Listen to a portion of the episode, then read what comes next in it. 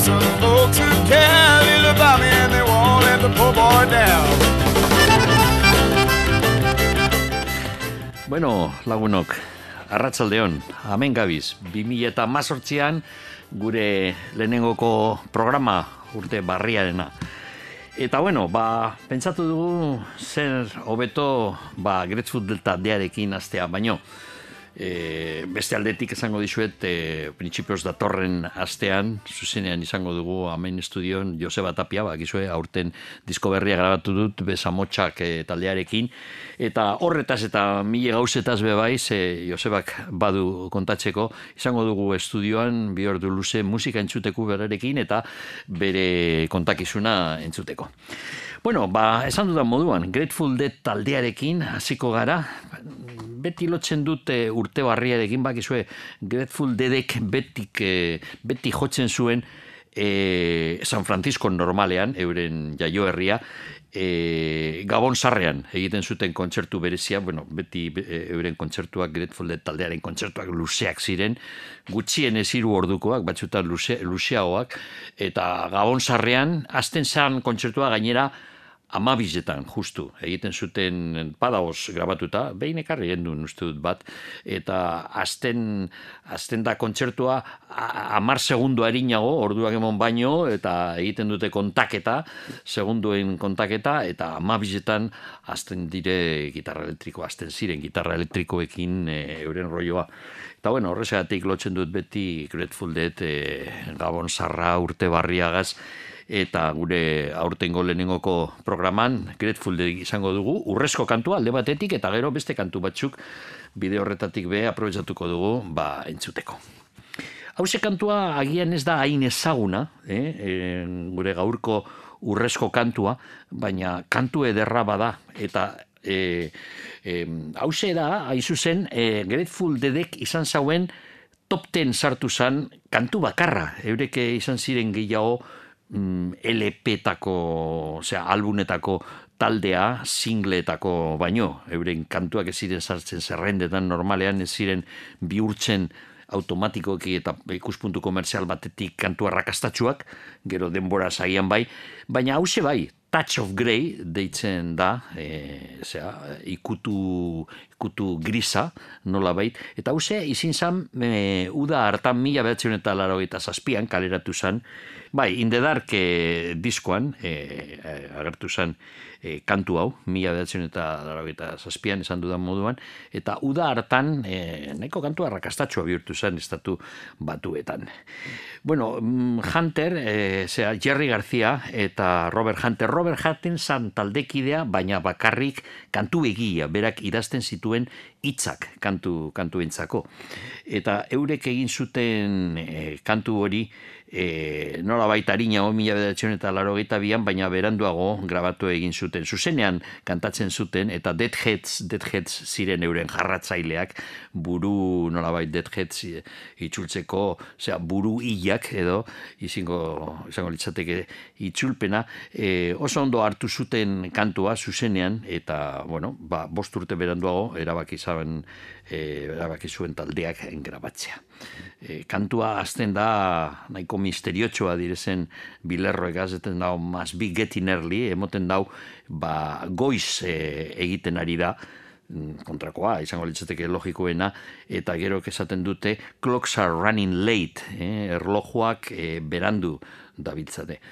Eta gero, e, zera, estribilloan esaten dute behin eta berriro, we will get by, we will survive, eh, aurrera e, egingo dugu, bizirik iraunduko dugu. Eta bueno, ba, urte batzuk e, gehiago ibili ziren, baina ez hainbeste, eh? hau izin zan taldearen azkenengo, osea, bidearen ja azkenengo txampa, mila beratzen eta laro gita zazpian, e, in the dark diskoan agertu zen kantu hau, eta bi urte beranduago desegin zan taldea.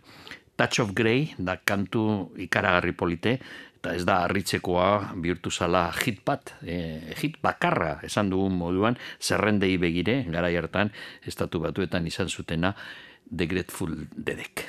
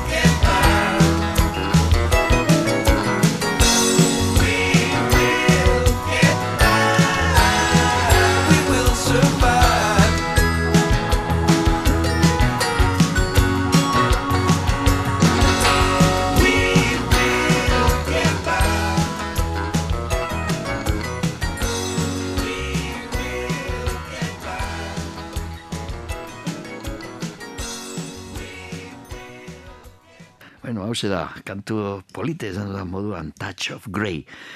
Bueno, ba, aprobetsatuko dugu, entzuteko beste ba, laugos kantu, Grateful denak, e, topatu ditugu, oso gustokoak ditugun batzuk, e, bat oso luzia da, besteak e, hause kontrakoa, unrengokoa oso laburra da, eta esan inoiz agertu LP batian, hori zan single bat, e, zera, Dark Star, e, kantua da oso famatua, batez be, zuzenean beti egiten zutela, zutelako eta logikoki zuzenean grabatutako diskuetan badago. Baina estudion e, grabatu zuten eta kaleratu bat, bakarrik single batean. Mila behatzen eta iruro eta sortxian, Anthem of the Sun izan zan urte hartan agertu zan LPA, baina LP horretan kantu hau ez zegoen. Eta Dark Stark, Dark Star, barkatu, e, zera, e, izar iluna edo, e, izin zan nola bait e, ibilbide bat e, erabiltzen zutena eurek zuzenean, Olako zera, improvisazio luze bat egiteko, kantu hau inoiz esan hogei minutu baino laburragoa, euren kontzertuetan, lehen esan du, euren kontzertuetan, e, zera, luzapena gutxien ez iru ordukoa, goio, iru ordukoa, imaginatu, kantu laburrak badire, hause, e, estudian grabatu zutenean, bi minutu eta berrogei segundukoa da. E, luzapen e, iru minutukoa bada, iru ordutan, imaginatu, ez da, zera, kantutegi egiteko, baina ez zuzenean, egiten zituzten improvisazio luzeak, luzegiak, sarritan, nik uste dute, e, oso, oso pasaute egon behar aguantatzeko irauntzeko Grateful Deaden e, improvisazio batzuk e, bateria eta gitarra eta bajo etako bajo etako soloak e, bakizu hiru lau minutukoa bakoitzak. Eta bueno kontua da kantu hau zuzenean esan dugu moduan. Mm, labur izin, izin eskero hogei minutukoa luzeagoa izin e, zanean irurogeita parkatu berro e, hogeita mar minutura ailegatzen ailegatzen zan eta kantu hori batez be irurogeita bederatzitik eta irurogeita malaura arte beti egiten zuten zuzenean. Bueno, kantue, e, zera Robert Hunter e, itze egileak mm, egiten zuen, e, egin zuen kantu hau, mila bedatzen eta irurogeita zazpian, badago San Francisco ipar aldean, e, ibai txiki bat, errekatxo bat, Russian River izenekoa, eta horretaz e, doa kantu hau Dark Star. E, hemen dago riff bat e, oso, oso bitxie, eta bueno, badago bebai, entzungo duzun single honetan Jerry Garziak bere bain jogaz egite, e, egindako plinkin e, motako zera joera bat, eta bueno, hause da Dark Star kantu famatu hori, baina estudioko zera, single batean bakarrik agertako. bukaeran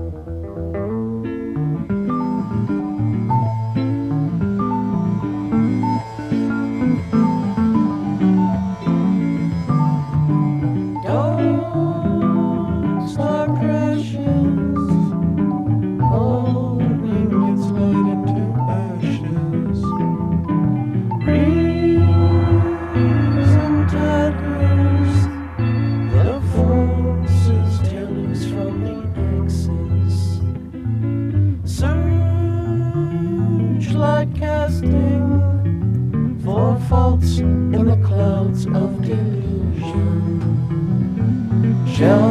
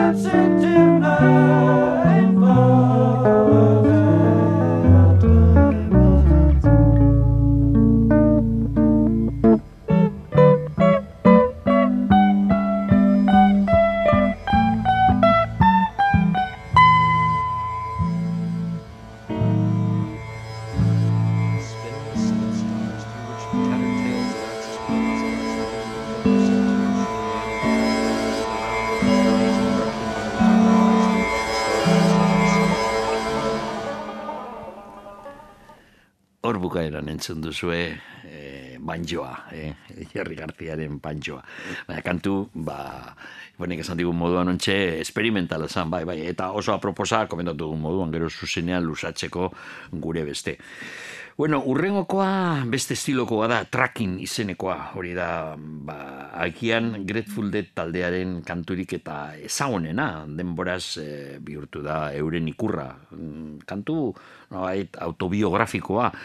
Eta eurek e, sartu zuten kantu hori, e, zera, urtia izin zan mila eta irurogeita mar, eta e, sartu zuten kantu, kantu hau, e, zeran American Beauty e, diskoan. Eurek grabatu zuten Working Man's Dead, mila iruro eta marrean, aurretik, eta urte berean, bigarren zati American Beauty. Hori izango zan trilogia bat, baina irugarren e, LPA inoiz izan agertu, nola baita amerikana musikan sartutako eurek hasi ziren e, alde experimentala, e, entzun dugun moduan Dark kantu honetan, lehenengoko bi e, iru LP, iru diskoak izan ziren nahiko psikodelikoak eta experimentalak, eta erabaki zuten amerikana mundu horretan sartzea, gara ertan esan, erabiltzen amerikana e, hitza e, honetarako, amerikana hitza erabiltzen zan, baina beste kontestu kultural batzuetan, batzuetan, eta e, nola bait folk eta blues eta country musiketatik hartutako kontuekin hasi ziren kantuak egiten,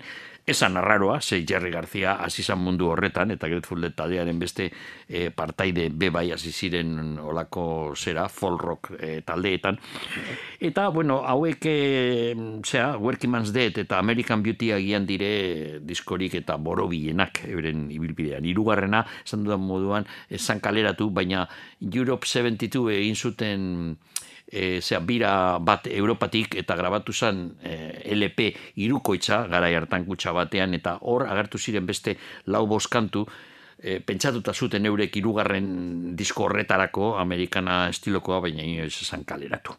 Bueno, tracking agertu zen bigarren disko honetan, American Beauty izenekoa e, LP e, honetan, eta kantua e, nola bait, e, bueno, Hunter, Robert Hunterrek... E, Robert Hunterren hitzak e, deskribatzen zuten pitxin bat taldearen ibilbidea. Hemen entzungo, entzungo dugu kantu honetan estatu batuetako hainbeste hiri, baina ez bakarrik hiriaren izena. Eurek be definitzen dute, esaten dute zeo zer e, iriari buruz, e, iriaren saugarriren bat, iriari buruzko komentario bat badauz e, euren ibilbide honetan. Eta bueno, FM e, irratitan, gara hartan estatu batuetan, hau bihurtu zen klasiko bat oso oso eskatua, eta mila eta irurogita amaikan, sartu zan, zerrendetan, urrengoko urtean estatu batuetan, irratian hainbeste aldi zentzun eta entzun, baina espentsa bizan zan, hot 100, e, sartu zan, zerrendetan, lehenengoko, e, postu batean, baina e, lehenengoko euen artean eh, esan hit bat pentsatu bez.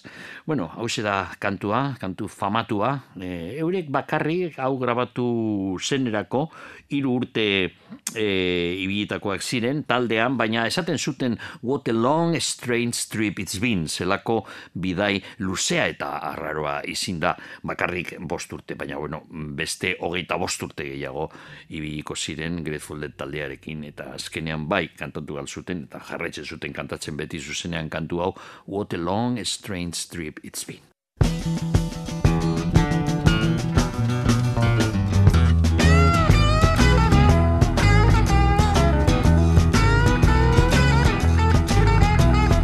Trucking, got my chips cashed in, keep trucking, like the doodah man together, more or less in line, just keep trucking on.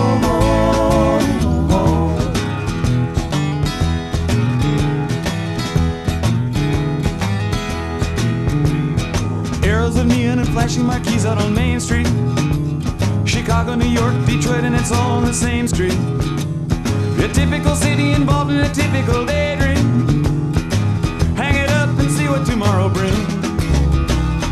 Dallas got a soft machine. Houston, too close to New Orleans. New York, got the ways and means, and just won't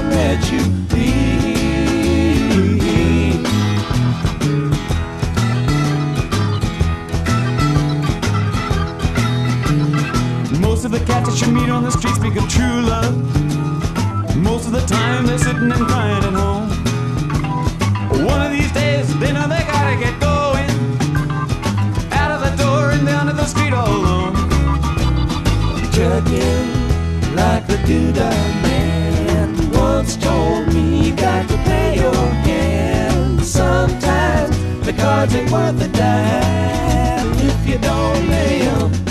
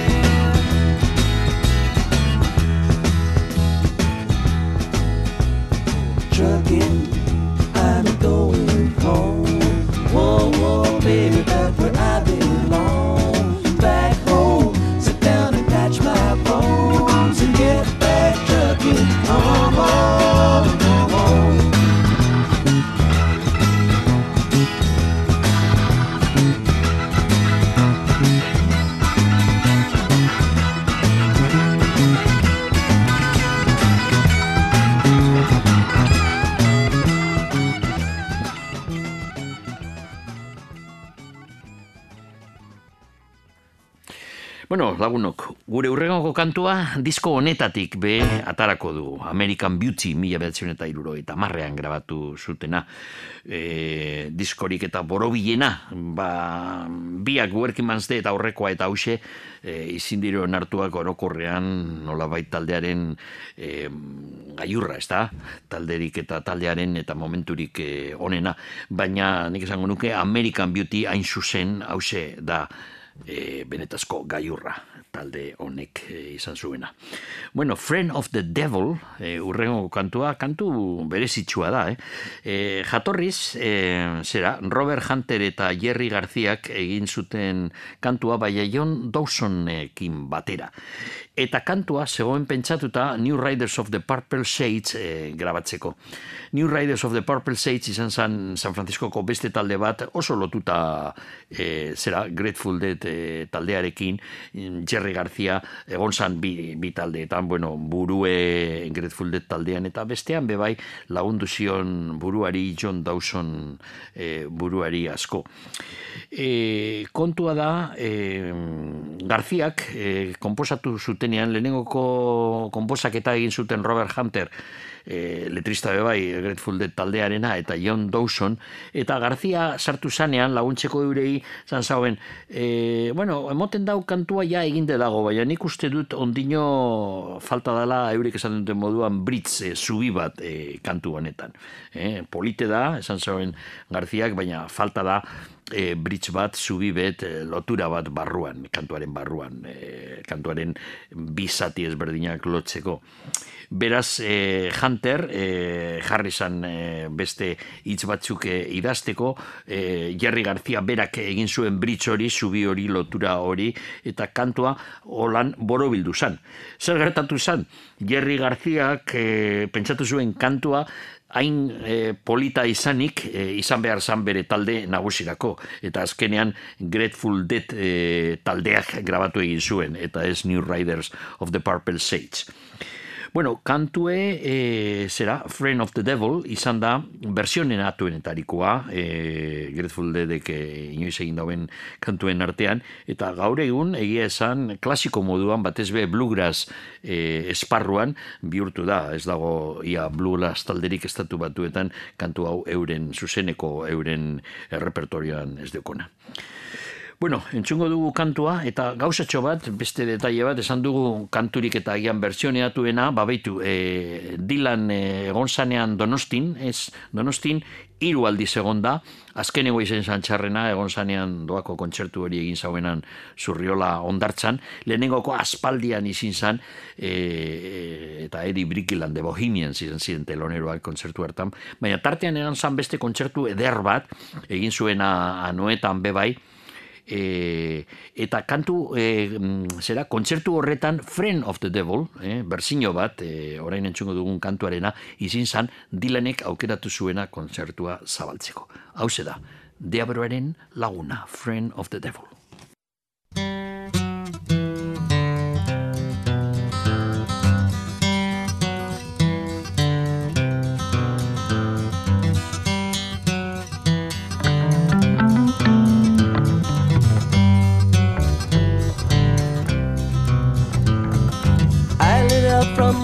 I was trailed by 20 hounds. Didn't get to sleep that night till the morning came around.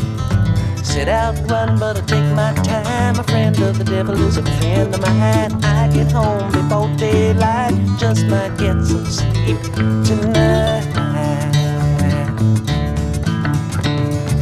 Ran into the devil, baby, loaned me 20 bills. Spent the night in Utah in cave up in the hills. Set out running, but I take my time. A friend of the devil is a friend of mine. I get home before daylight, just might get some sleep tonight. I ran down to the levee, but the devil caught me there. He took my twenty dollar bill and it vanished in the air. Stop running, but take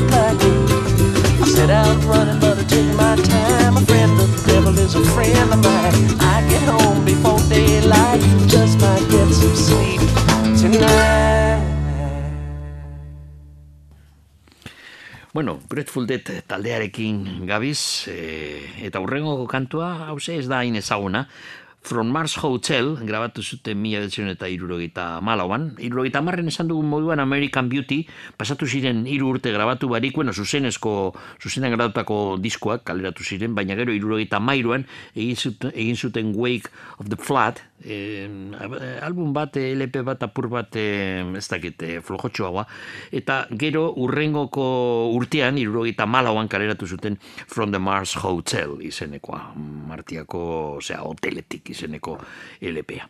Eta disko honetan zegoen Scarlet Begonias, eh, begonia, begonia gorriak, bakizu, begoniak, eh, zera, eh, lore, loreak.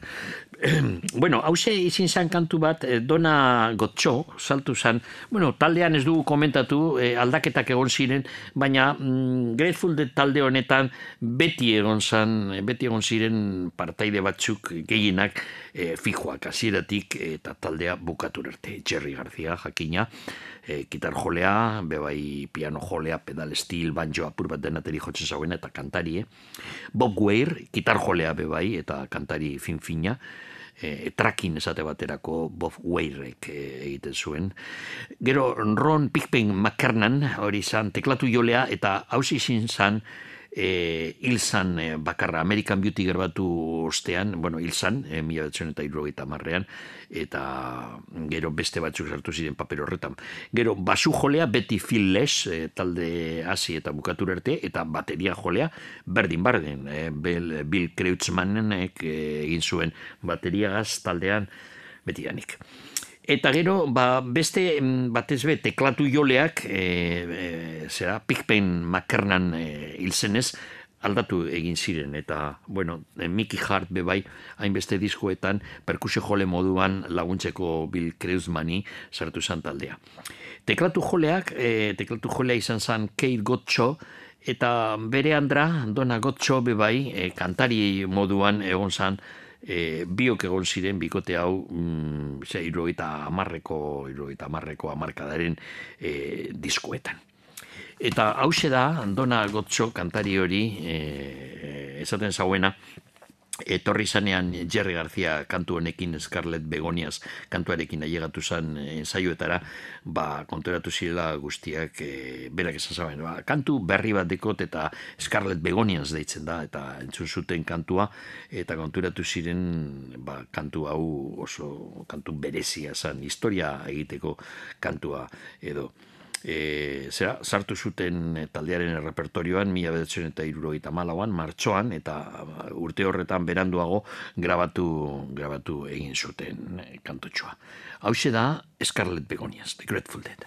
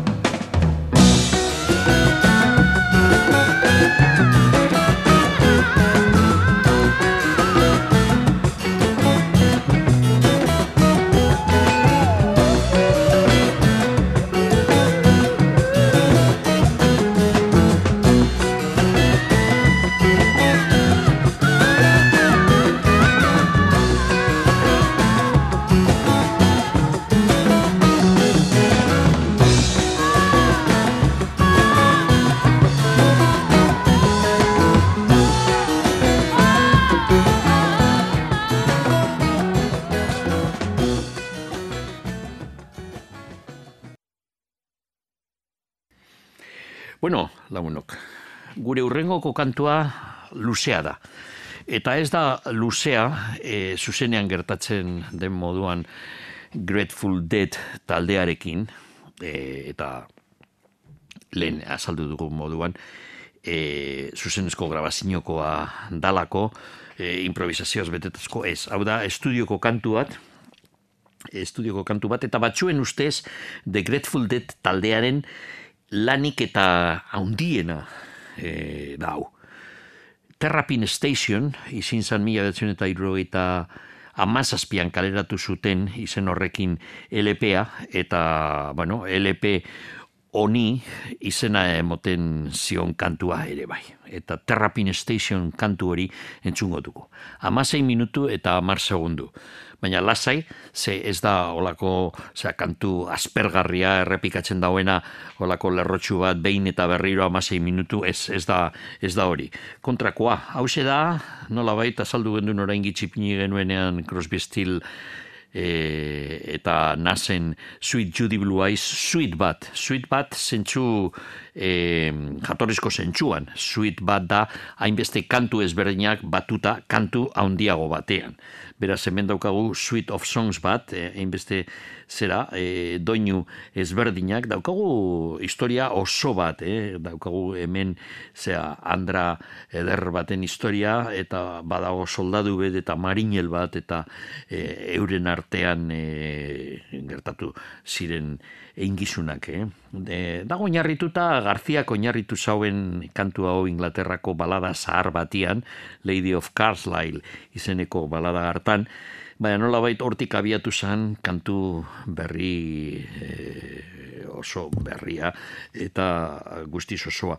E, bueno, hemen e, daukagu zera interpretazioa, izin zan e, nola bait The Grateful Dead taldeak lortu zauen eta finenetarikoa, badauz e, ez bakarrik e, taldearen musikariak, baizik eta orkestra bat be bai, e, Paul Buckmaster izin zan e, ekoizpena egin zauena, orkesta, orkestarako, e, zera, e, abetz bat haundi baz, de English Choral be bai, eta, bueno, mm, elemento guztiekin e, egin zuten euret The Grateful Dead e, taldeak egin zuen e, kantu hau, kantu maizo bat, Terrapin Station izenekoa.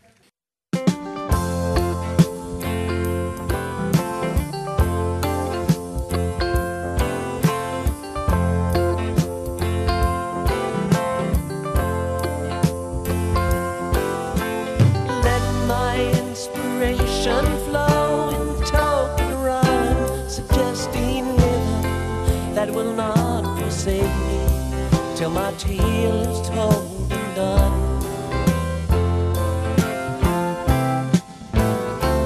While the fire lights aglow, strange shadows from the flames will grow till things we've never seen will seem familiar.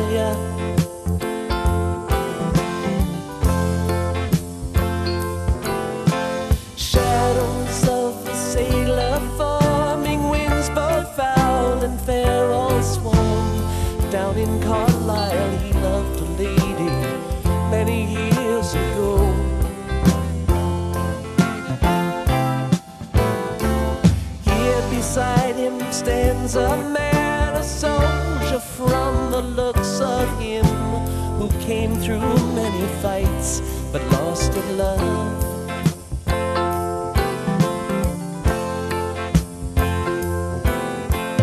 While the storyteller speaks, a door within the fire creaks, suddenly flies open, and a girl is standing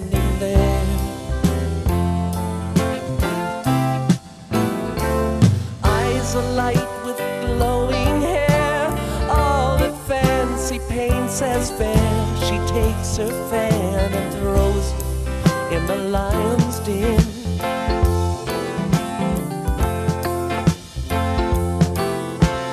Which of you to gain retail will risk uncertain pains of hell? I will not forgive you if you will not take the chance.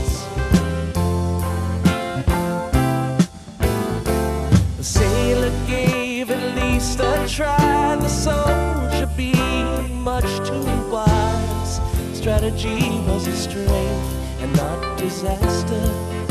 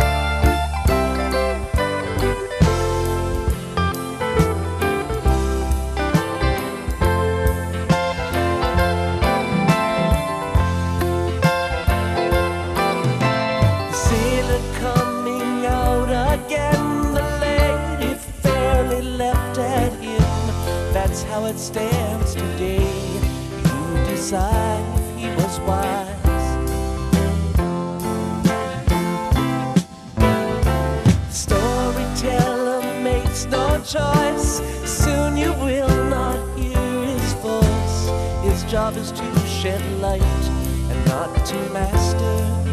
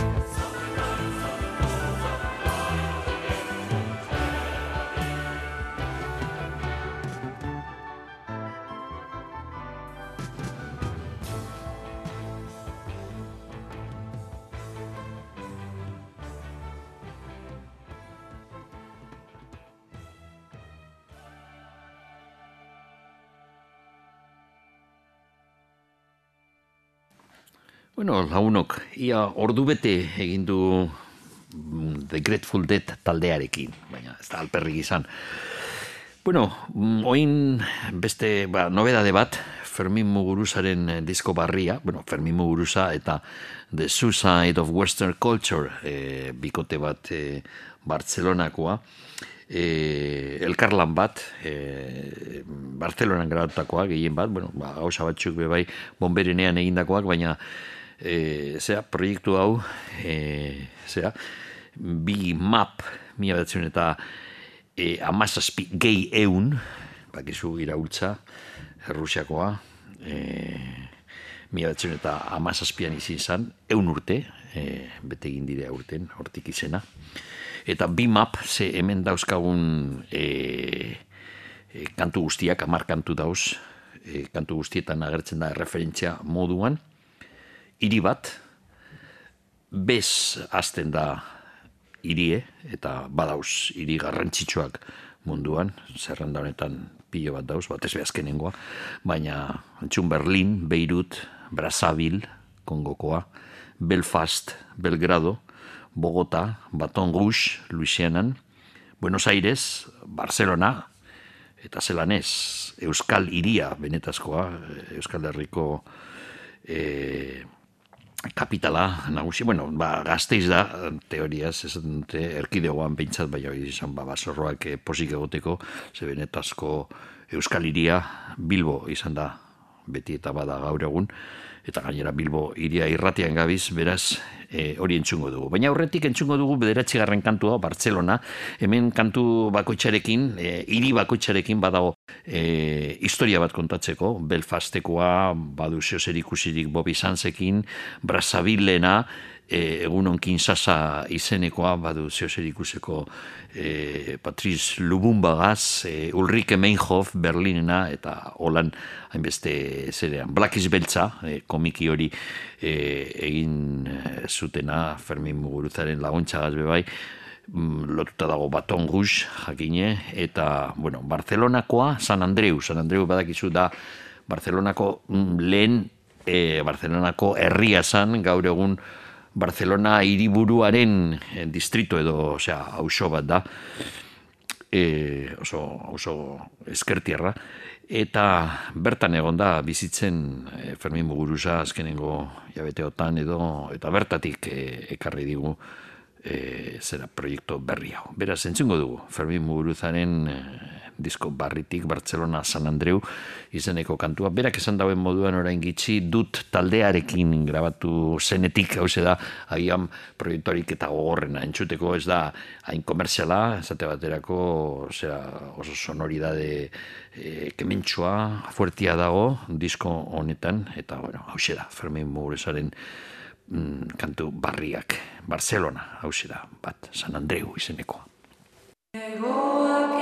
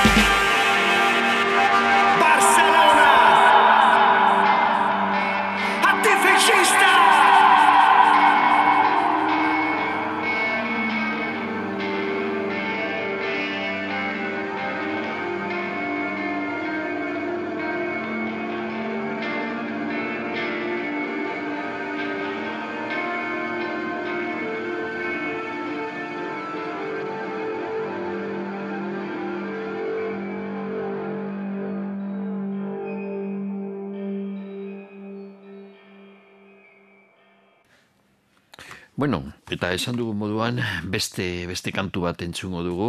Azkenengoa hain zuzen, Fermin Muguruzaren disko barritik, hause da, Bilbao manifestazioa izenekoa. Bueno, kantu honen hasieran aurrekoan, e, zera, Barcelona San Andreu izenekoan, entzun dugu e, txoria txori kantuaren berzio bat, oso lasaia, ba, Fermin eta The Suicide of Western Culture bikotea sartu baina harinago.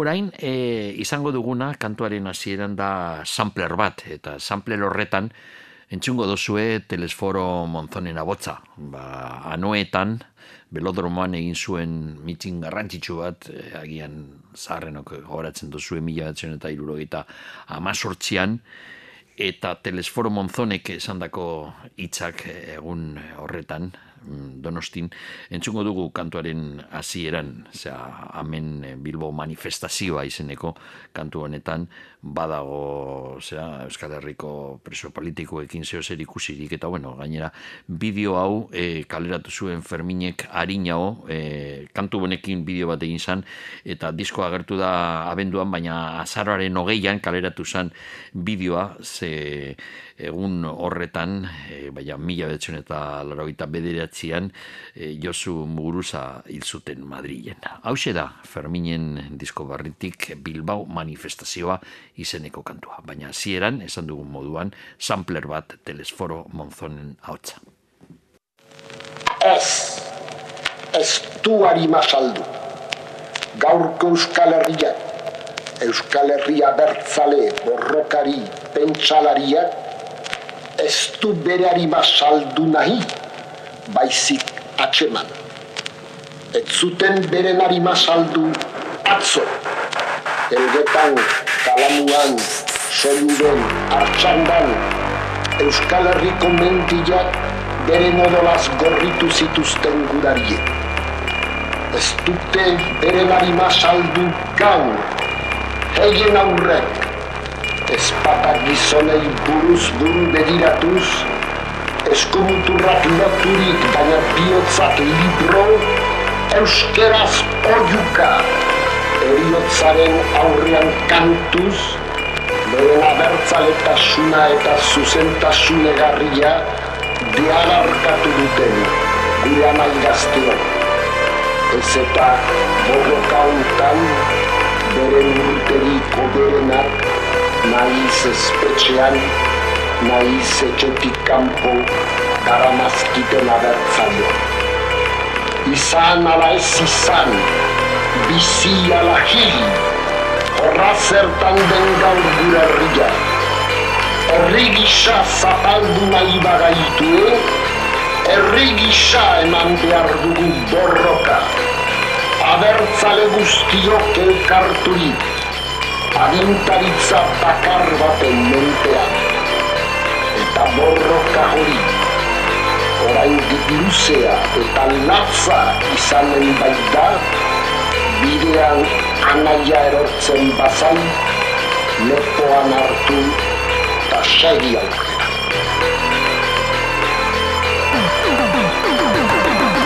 Lepoan hartu, eta segi aurrera, umetatik ikasia, zenbat odola, eta oinazea, tortura eta hilketa, indakeriei Erantzuteko, erabiltzen da indarra Gauko apaino, iltuna doa Izan ez den biharra Errera dela mantxan, negu gorriak Bandera gorri eta belzak Harrano belzak, aiza zebilen Aztintzen gure ikurriñak Sufrimentuak, kendu nahi eta Sufrituz kendu beharra Gauko apaino, iltuna doa Izan ez den biharra preso begia Aputu oiua, urte gehiagia Otan, preso begia Aputu oiua, urte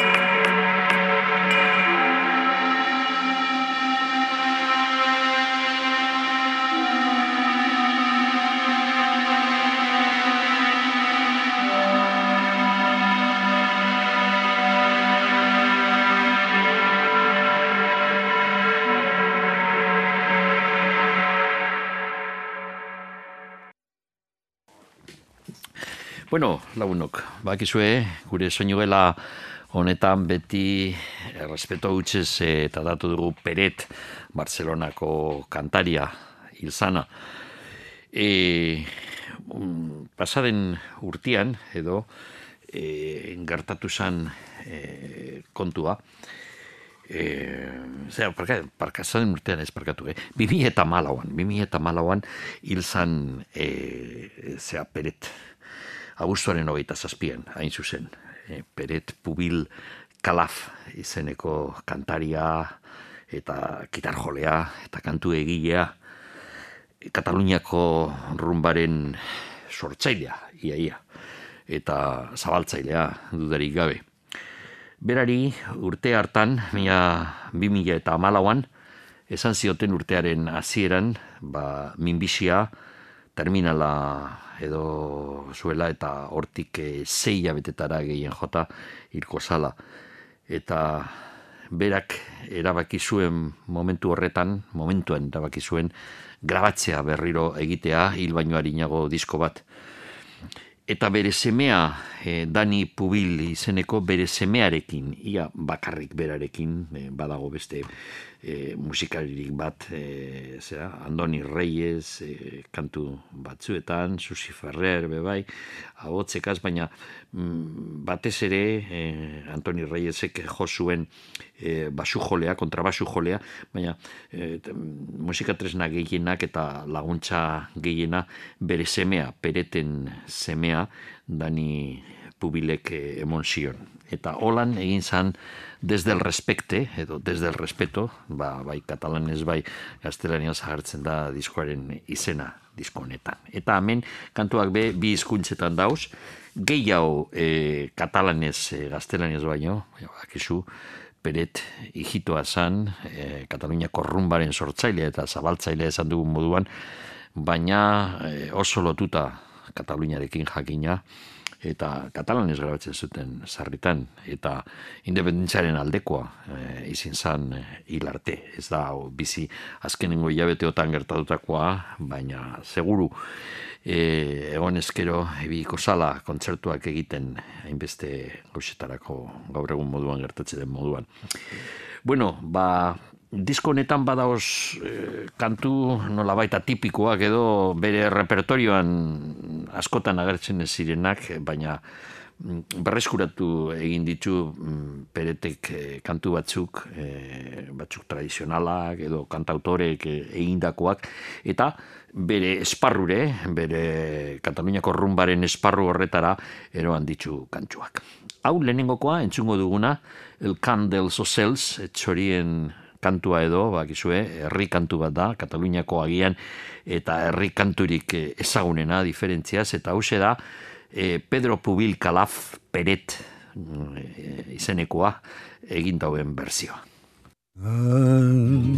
Veure despuntar el major il·luminat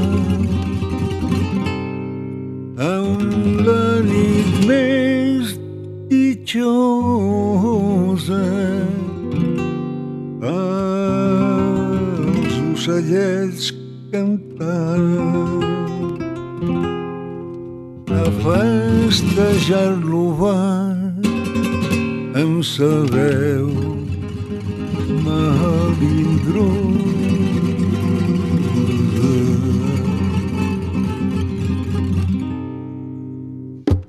L'àguila imperial se'n vola cel a dalt cantant amb melodia dient que Jesús és nat per treure'ns de pecat i dar-nos alegria.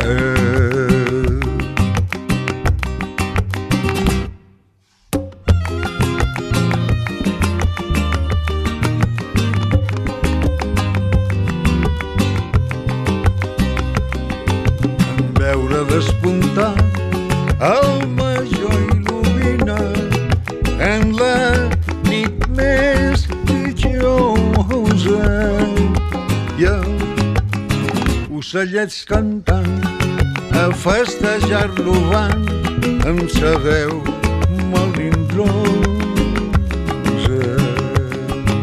i els ocellets cantant a festejar-lo van amb sa veu.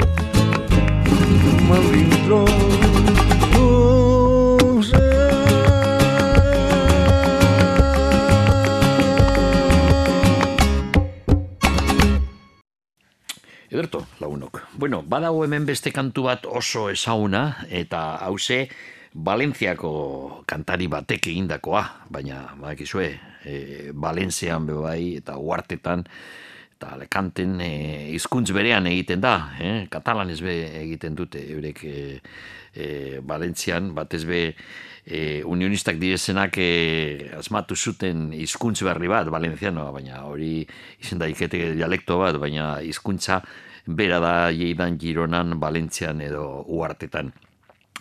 Eta hori Ramon e, Pelegero Sanchiz, e, Raimon goitizenekoak basuen oso argi beti.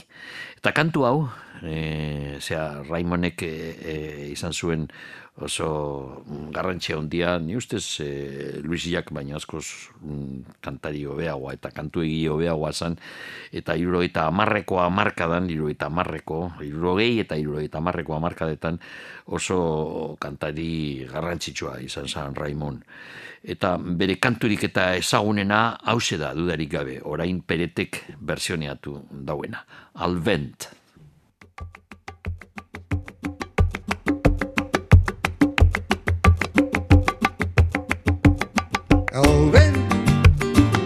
La cara al vent, el cor al vent, les mans al vent, els ulls al vent, el vent del món.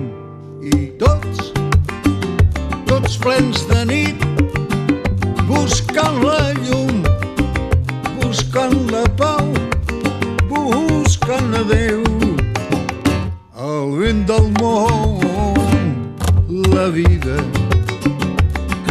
dóna penes i el néixer és un gran plor.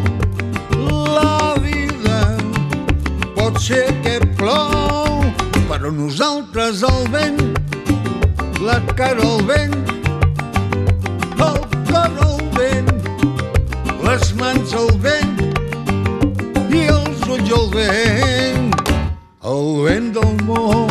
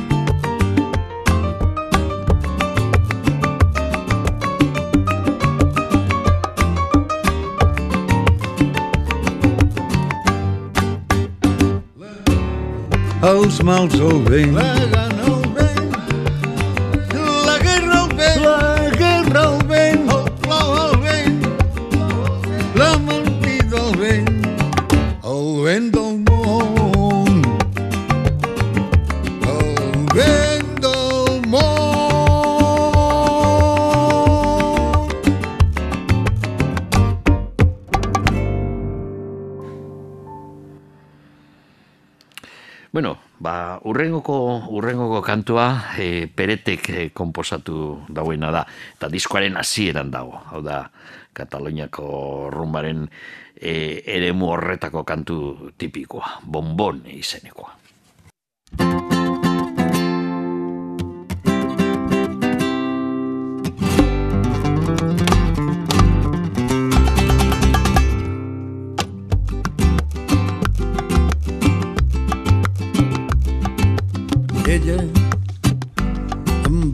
Va estimar tant.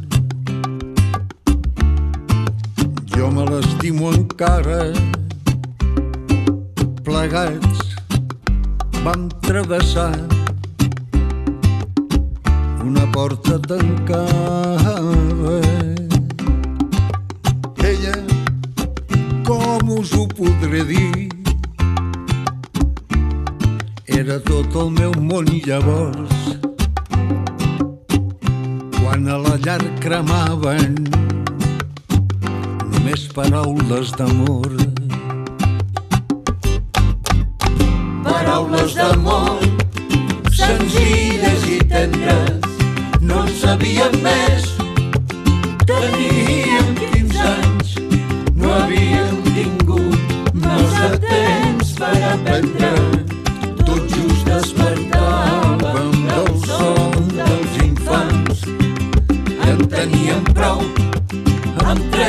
Frases fetes que havíem après d'antics comedians. Històries d'amor,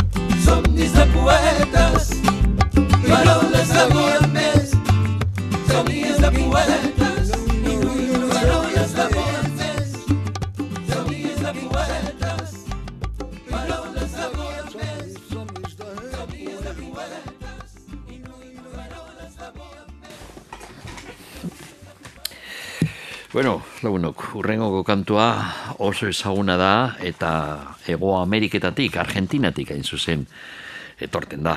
Atahualpa Yupankik egin zuen Los Ejes de mi Carreta aspaldian eta orain entzungo dugu pereten berzioa. Hau da, Los Ejes de mi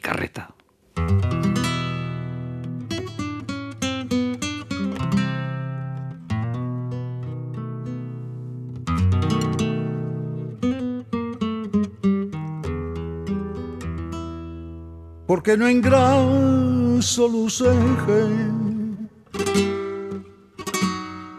Me llaman abandonado porque no engraso ejes. me llaman abandonado. Si a mí me gusta que suene, pa' que lo quiero engrasado.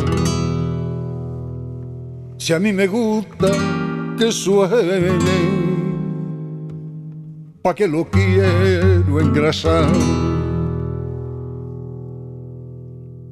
Y es demasiado aburrido seguir y seguir la huella. Es demasiado aburrido seguir y seguir la huella. Andar, andar y andar los caminos sin nadie, sin nadie que lo entretenga.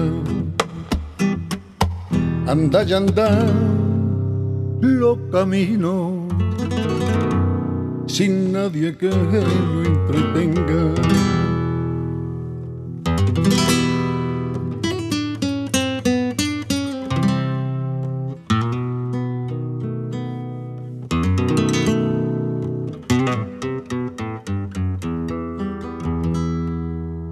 Necesito silencio. Yo no tengo en qué pensar. No necesito silencio. Yo no tengo en quién pensar.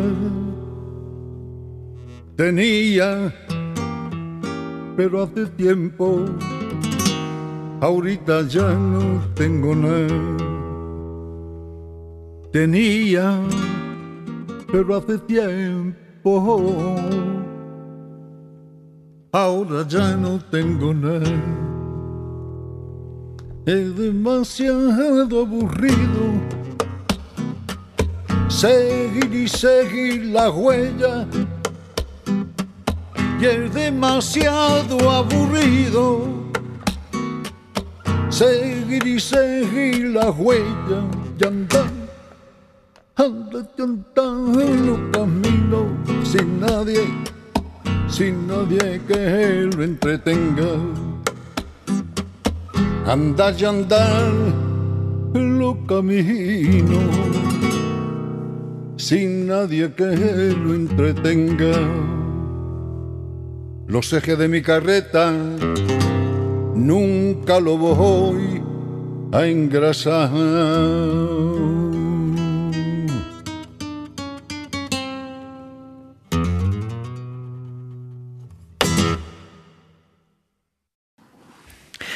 Bueno, lagunok, lau kantu entzun ditugu pereten disko berri honetatik, desde el respecte izenekua, eta mm, azkenengo bat entzuko dugu. Si jo fora rei, eh, eh, erregea izango banintz, pereten kantu bat da, si jo fora rei, hausea. Si yo fuera rey, cambiaría la corona per un cavall blanc o negre per poder visitar en ell cada racó del meu regne. Fer-li saber a la gent que sóc un rei poderós i com a tal piadós demaneu si teniu manca. A mi em sobra de tot però no sóc rei. No, no jo no sóc rei. No, no no tinc cap corona tampoc tinc poder. Però sí que tinc. Jo tinc, jo tinc tinc il·lusió mira jo tinc tinc esperança jo tinc, jo tinc. i tinc cançons. Però mira que jo tinc. Jo tinc, jo tinc. Jo tinc desig mira jo tinc. Jo tinc promesa jo tinc, jo tinc. Somnis feliços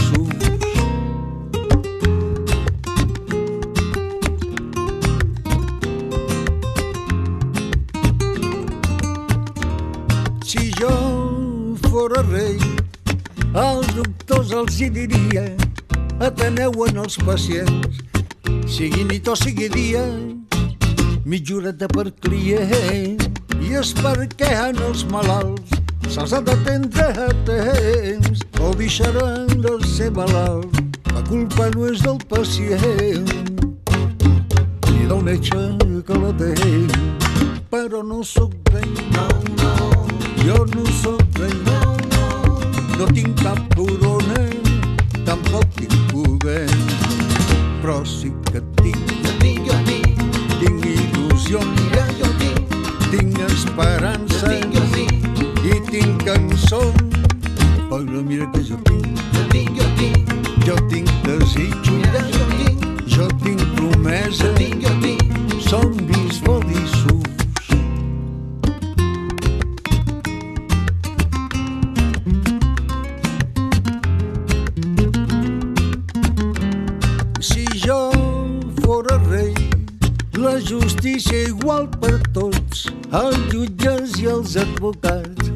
farien cap boicot perquè no serien humans. I els carrers de la ciutat, pisos lliures per entrar, i els que no tinguin recursos, treball per poder pagar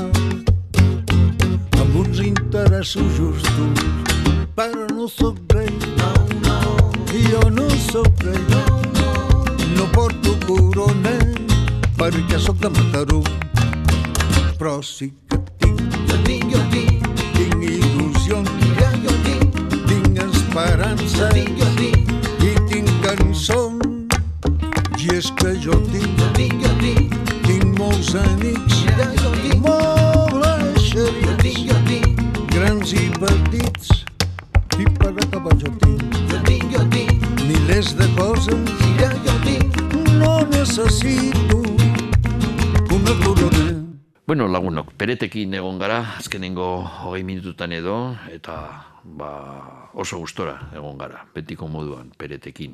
Mm, Ez da berriro gertatuko, grabazio berririk eh, ez dire izango, ze dakizuen ez, orain hiru urte, 2000 eta malauan abuztuan, eh, hil zitzaigun peret kantaria. Bueno, pasaden iraiaren zazpian, Berton Kafe antzokian izan gendun talde handi bat, San Franciscokoa, hasi gara programa San Franciscon, The Grateful Dead taldearekin, eta bukatuko dugu San Franciscoko beste talde bategaz, The Flaming, Flaming Groovies. E, bueno, oso talde ezberdinak, eh? E, eurek eh, erdi banatzen dute jaio herria, mm, jaio iria, kasu honetan San Francisco, baina guztiz ezberdinak. Esate baterako Flaming Groovies e, egin zuten taldea justu kontrakoa egiteko, eh? San Franciscoko, Franciscoko soinua, eh, irroika, irroiko amarkadan, irroita bostean, zeian, zazpian, psikodeliaren kontua zan hori ikur bat, eta Grateful Dead, The Grateful Dead, kontesto horretan sortutako taldea zan, eta Flaming Groovies, eh, zera, Cyril Jordan eta eh, gara hartan Ron eh, Roiloni gure zutena zan egitea garajea, rock and rolla, blues eta ritma blues eh, aldarrikatzea, beraz justu kontrakoa. Eurek eh, azkenean lortu zuten Flaming Groovies Fillmore areto famatu horretan, psikodeliaren templua norabai, jotzea, baina izan zan justu eh, Fillmore eh, West eh, itzi zutenean, Bill Grahamek itzi zuen, itzi zuenean, e, Fillmore West, areto legendario hori, deitu zien eurei, Flaming Grooviesei be bai, hainbeste taldeekin batera, kontzertu bate emoteko eurek ezin sinestu, beti e, izin ziren debekatua, ba, Flaming Groovies jotzeko, behintzat debekatuta zuten e, Fillmore West. Eurek egiten zutena zan, ondino gaur egun egiten dutena, bueltatu dire, aurten esan dugun moduan kafeantzokian egon ziren iraiaren zazpian, eta e, ez dute aldatu estiloa. Hori bai, aurten etorri dire disko barriagaz, Fantastic Plastic izeneko e, grabazioa, grabazioa itxela, eh? amabi kantu, amar dire gainera e, Cyril Jordanek eta, bueno, Chris Wilson bueltatu da tal- taldera, eta Chris, eh, Chris Wilsonek egindakoak, e, amabi kantuetatik amar, eta kantu guztiak eh, berriak izanik, eta mm, beste alde batetik betiko eremuan egindakoak, oso, oso kontzertu arrakastatxoa, diskoa be bai, e, nik uste dut, e, betiko Flaming Grooviesen betiko zaleok e, berriro e, hartu du Flaming zen kulto hori e, gustora entzuteko Fantastic Plastic disko honetan dauzen momentu ononak. Hasiko gara, kantu bat deitzen dala, e, kantu bategaz deitzen dana What's the hell going on? Ze de montre gertatzen ari da. Hau da, what the hell's going on?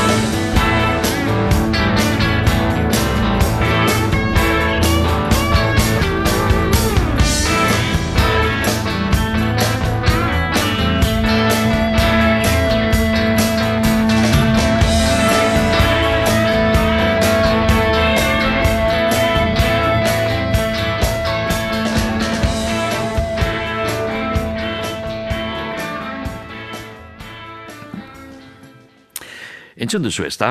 Hau da, What's the hell's going on? Flaming Grooviesen betiko sonoridadea, betidanik, eh, irurogeiko eh, irurogeiko amarren eh, amarkadatik eh, maite egiten gendun sonoridade hori. Bueltatu dire aurten, 2000 eta amazazpikoa da, grabazio berri hau, eta betiko intensidadea kementsuak benetan Flaming Groovies. Hau da Let Me Rock beste kantu bat disko honetatik, Fantastic Plastic izeneko disko honetatik.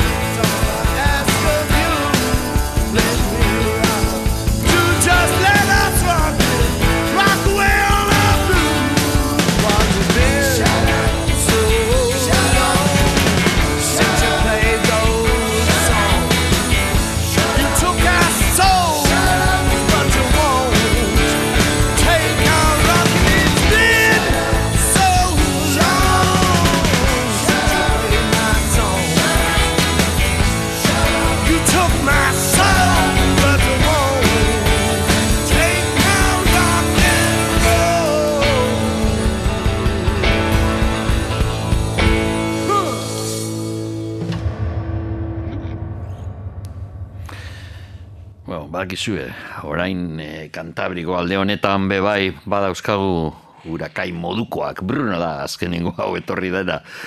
Hori Karibekoa, badakizu, Karibeko kontua da, batez be. Bueno, dinot e, Hurricane dago gure horrenko kantuan, izen, e, kantuaren izenean, Just Like a Hurricane. Hauze, ez da Bob Dylanen kantua, eh? Hurricane izenekoa. Hauze da Flaming Grooviesen disko barrian dagoen, diskonetarako komposatutako bebai kantu berri berria. Just like a hurricane.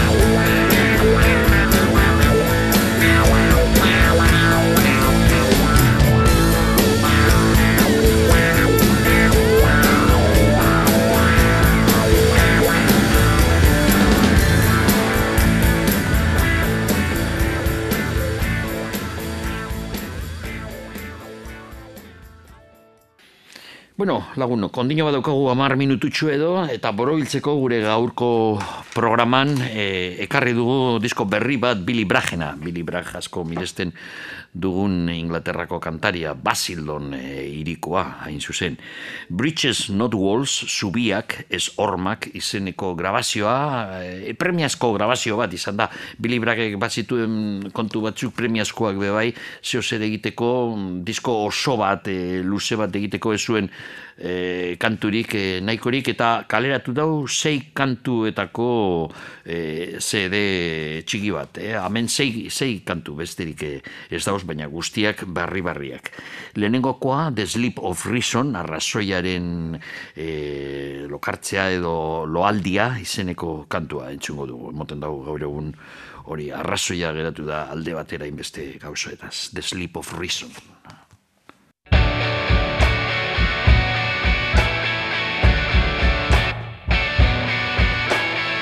by one, the stars go dim.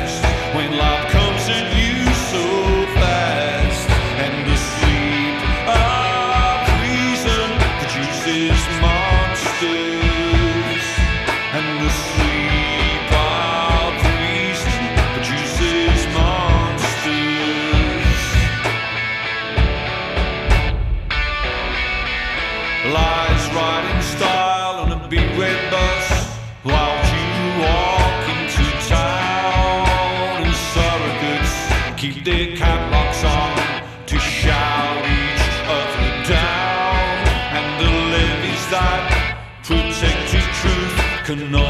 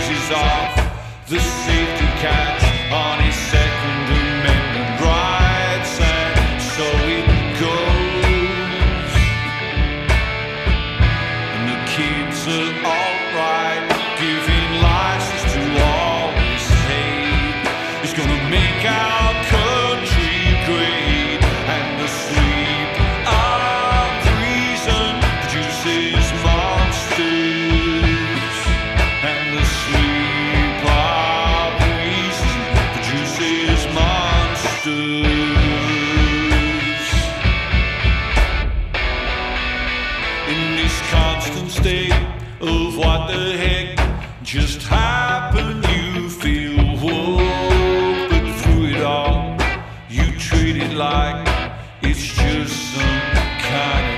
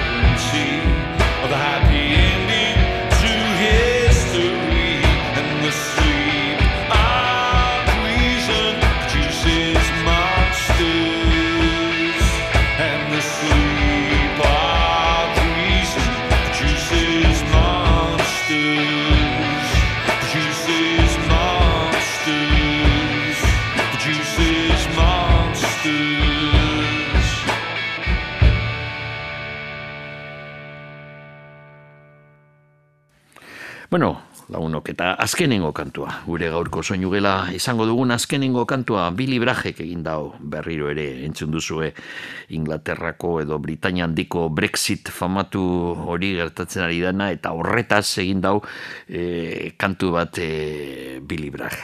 Full English Brexit.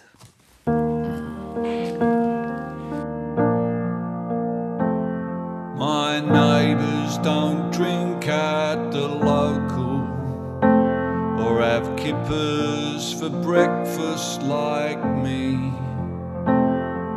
The food that they eat smells disgusting. They'd rather drink coffee than tea.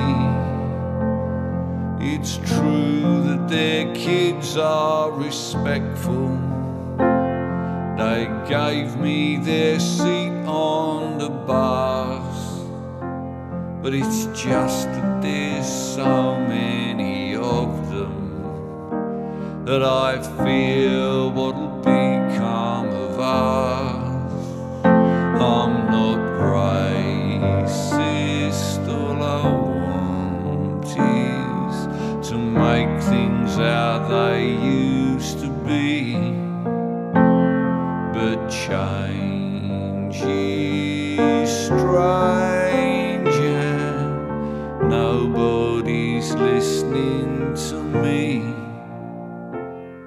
I cheered when our side won the Cold War, spread freedom and peace all around. Now there's folks speaking Russian in Tesco's. It's a shame the wall had to come down. I know some are fleeing from children from harm. But my parents stayed put through the blitz years, and me, I was sent to a farm. Yeah, the sun shines, but sometimes I don't feel like this is my country. Say so, oh no, I never get no sympathy. Once we ruled over an empire, so it feels like some kind of defeat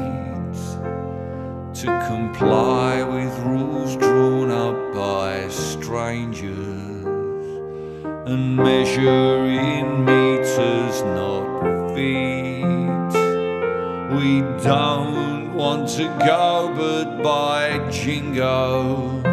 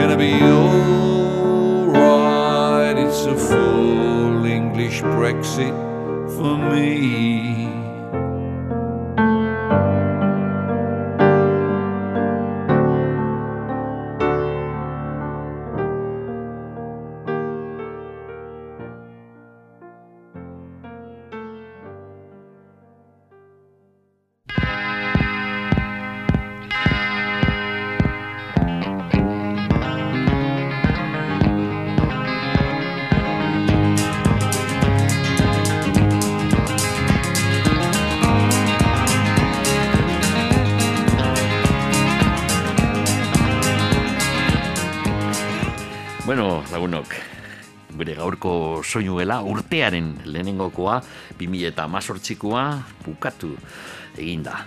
Edo bukatzear dago, hobetu esan da, ze ondino azkenengo hitzak esateko gaur izan duguna The Grateful Dead taldea izan dugu lehenengoko ordua, urrezko kantua, gehi beste bost kantu gehiago, hor suite luze bat barru, Terrapin Station izenekoa, Gero Fermin Muguruza eta The Suicide of Western Culture bikotearen grabazio barria, bi kantu hortik entzun dugu, Pereten, Barcelonako Pereten disko postuma hil ostean kaleratu dauen desde El Respecte izenekoa, hortik beste bost kantu edo, Flaming Groovies bebai, eh? oin gitxi ireian egon ziren kafean txokian berton, eta disko berritik Fantastic Plastic eh, egun horretan orkestu zutena, disko horretatik hiru kantu entzun ditugu. Eta bukatzeko, Billy Bragen grabazio berritik beste bi kantu. Hau da dana, datorren urtean berriro, ongo gara soinu gela honetan, zan dugun moduan, Joseba Tapia izango dugu gonbidatua programan, seguru programa oso interesgarria izango dara. Agur eta ondo Thank you.